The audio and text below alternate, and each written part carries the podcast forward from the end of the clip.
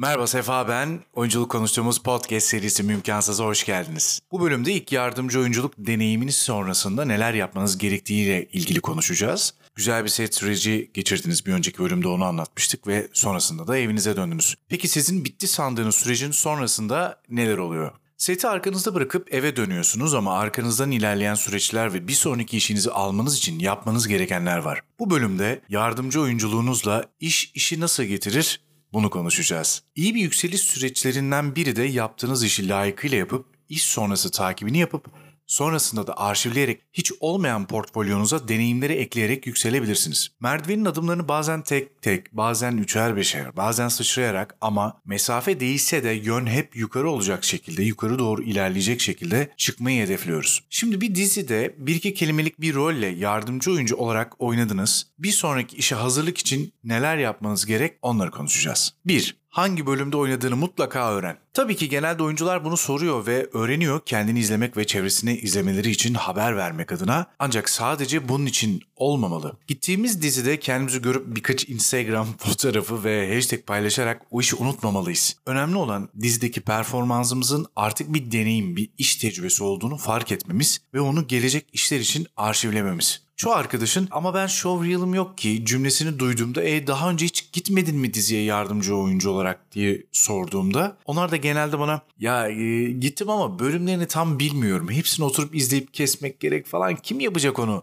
diyorlardı. Bir oyuncu olarak önce bizim sorumluluğumuz bu. Biz kesmeyi biçmeyi bilmiyorsak bunu yapabilen birinden rica edebiliriz oynadığımız dizileri, bölümleri, oynadığımız kısımları bildirip sizin sahneleri kesip size teslim etmesini rica edebiliriz. 2. Ajanstaki profilini takip et. Normalde ajanslarda kendi oyuncularının oynadığı bölümleri kesip profilini yükleyen birileri var. İşi bu. Ancak yüzlerce oyuncu gönderiliyor sete. Bunların kesilip yüklenmesi ciddi zaman alıyor. O yüzden çoğu oyuncu adayı arkadaş nasıl olsa biri kesip yükleyecek rahatlığıyla bununla ilgilenmiyor bile. Dolayısıyla bir sürü işe gitmiş olmasına rağmen onu işe yönlendirecek kas direktörü arkadaş profiline girdiğinde kendisine ait hiçbir sahne göremiyor. Sadece gittiği dizilerin isimleri yer alıyor. E, bu da oyuncunun performansıyla ilgili bir fikir vermediği için kas direktörü başka bir adaya yönelebiliyor. Bu da işi kaçırmanıza sebep oluyor. 3. Sette olumlu geri bildirim almaya çalış. Bu da çok önemli kriterlerden biri. Sete geç kalmayın. 2-3 cümle bile olsa ezbersiz gitmeyin. Sahnede ben ne söyleyecektim ya demeyin. Unutursanız hatırlatabilirler tabii ama hiç bilmemek çok kötü. Verebildiğiniz en iyi performansı verin. Ajansa dönüp ya işte getirdiğiniz oyuncu geç kaldı. Zaten ezberi de yoktu. İyi de oynamadı.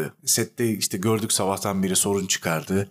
İşte diyelim erkekse sürekli kızlara asılıyordu. İşte kızsa sürekli erkeklere asılıyordu ve benzeri gibi şikayetlerle ajansınıza sizinle alakalı olumlu ya da olumsuz dönüş yapıyorlar. İşte sonrasında da biri rejiden biri dönüp diyebiliyor ki işte bir daha bu göndermeyin bu arkadaşı derlerse işi kaybediyorsunuz ve bundan sonra iş alamıyorsunuz. 4. Ajans profil bilgilerini güncel tut. Belirli aralıklarla profilinizi güncelleyin ya da yenileyin. Benim tavsiyem ortalama 3 aylık periyotlar dahilinde ancak daha kısa ve kısmen daha uzun olabilir. Sizin hayat temponuza sizin hayat temponuza göre değişiklik gösterilebilir. Ajanstaki resimlerinizin güncel olması için ara ara ajansa uğrayıp son mevcut halinize yeni fotoğraflar çekilmeyi ihmal etmeyin. Böylece son halinizle hangi işlere uygun olduğunuzu daha kolay seçebilirler ya da yaptığınız yeni farklılık önceden bilinmiş olur. Eğer siz ajans resimlerinizde siyah saçlıysanız ve seçildikten sonra sete gittiğinizde ama ben bir aydır sarışın oldum derseniz sette işi patlatır ve kısa bir sinir krizi sahnesi çekerler size. İnsanlara son dakika golü atmamak adına vücudunuzdaki değişimleri yalın bir halde fotoğrafta yansıtacak şekilde yenilerseniz sizin lehinize olur. Fotoğraf dışında da diyelim yeni motor ehliyeti aldınız ve bunu ajans profilinize kaydettirmediyseniz eğer motor bilen oyuncular fitnesinde yer almadığınız için kafadan eğleniyor olacaksınız. Bu yüzden kendinize kattığınız yeni bir şeyi mutlaka buraya ekletin. Bateri çalmak, paraşütle atlamak, yabancı dil bilmek ve benzeri gibi yetkinlikler eklediğinizde kendinize bunları mutlaka ama mutlaka ajanstaki profil bilgileri yeteneğinizi güncelletin. Böylece bu yeteneklerle kişileri aradıklarında da rahatlıkla seçilebilir oyuncular arasında yer alırsınız.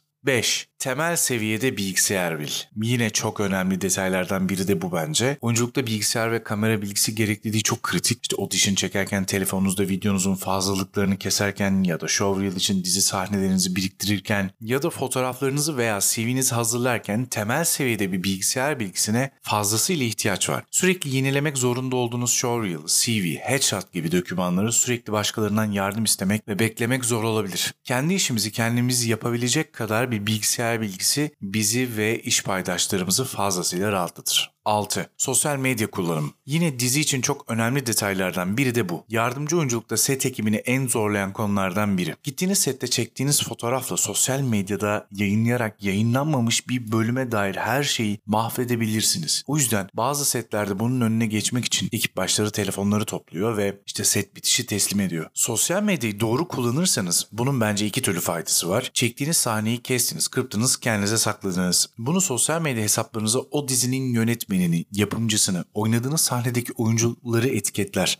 Konuma da yapım şirketini eklerseniz ayrıca oynadığınız dizi, reklam, sinema her ne proje ise onunla ilgili hashtagleri eklerseniz ekip tarafından görülme şansınız o kadar artar. Kendinizi hatırlatırsanız veya ilintili olan hesaplarda keşfete düşersiniz. Bir diğer önemli yolu her projenizde süreniz arttıkça daha önce paylaştığınız kısa sahnelerinizi sırayla kaldırmaya başlayın. Böylece adım adım yükselişinizle ilgili doğru bir yol izlediğinizi göstermiş olursunuz. Bu da emeğinizin karşılığı olmuş olur. Ayrıca oynadığınız projenin sosyal medya hesaplarını takip edin ve oradan set ekibini bularak çalıştığınız insanları ekleyebilirsiniz. Çünkü muhtemelen bir başka projede yine benzer insanlarla çalışacaksınız. Eğer sizi geri takip etmez ve arkadaşlık isteğinizi kabul etmezlerse bunu lütfen bireysel algılamayın. İşle sosyal hayatı ayırıyor olabilir veya birebir tanıdıkları dışında kabul etmiyor olabilir. Canınızı sıkıp üzmeyin. Unutmayın bizim amacımız iş ve çevre geliştirmek. Kendi iş alanımızla ilgili yeni insanlarla tanışmak ve böylece yeni işlerle kendi deneyimimizi geliştirip dönüştürmek. Sosyal medyanız bir yandan da aslında portfolyonuz. Dolayısıyla orayı işinizle ilgili bezerseniz sizinle ve yaptığınız işlerle alakalı bilgi almak isteyenlerin direkt olarak gelebileceği bir alan yaratmış olursunuz. Sosyal medya hesaplarınızın tasarımı ile ilgili gelecek bölümlerde detaylı konuşacağız.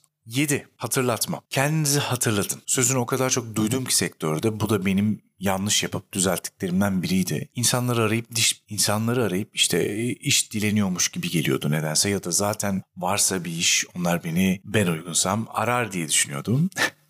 Bunun çok yanlış olduğunu gördüm. Size en uygun, sizi belki bir üst seviyeye çıkaracak işlerden sırf haberdar olmadığınız, kendinizi hatırlatmadığınız için bile kaybetmiş olabiliyorsunuz. Çünkü oyuncu seçen insanların oyuncu seçim sürecinde aklı o kadar meşgul oluyor ki normalde ilk aklına gelebileceği biriyken hiç gelmeyebiliyorsunuz. Sonrasında işten haberdar olduğunuzda ve seçim süreci geçmişse genelde abi hatırlatsana kendini ya diye serzenişler duyabilirsiniz. Tabii bu hatırlatmayı aşırı sık yapıp insanları da boğmadan yaparsanız harikulade olur. Ara ara yeni yaptığınız şeyleri bilgilendirmek, yeni oynadığınız auditionları atmak ya da yardımcı oyunculuk yaptığınız sahneleri göndermek zaten sizi akılda kalıcı kılar. Doğru iletişim ve doğru tavrı koru. Sanırım başarıdaki en önemli kriterlerden biri ukala, kendini beğenmiş ve her şeyi ben çok iyi bilirimci olmamak. Yaptığını ortaya koyabilmek, olabildiğince işini en uygun şekilde doğru kullanmak yeterli ve kafi. Birkaç iş sonrasında yardımcı oyuncu arkadaşlardan başrolden daha havalı davranışlar sergilediklerini gördüm. Set ekibine sorun çıkarmalar, çayını kahvesini ayağına isteyenler, saç ve makyajda özel istekler sunanlar.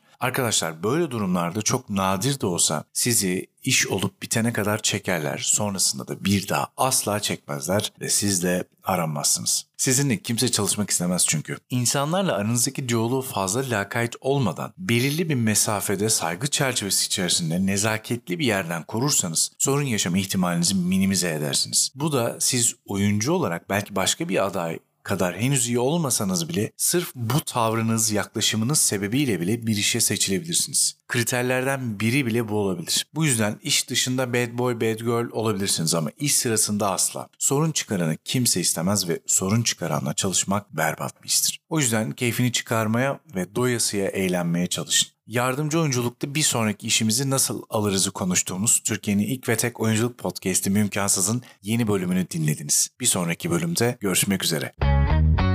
You.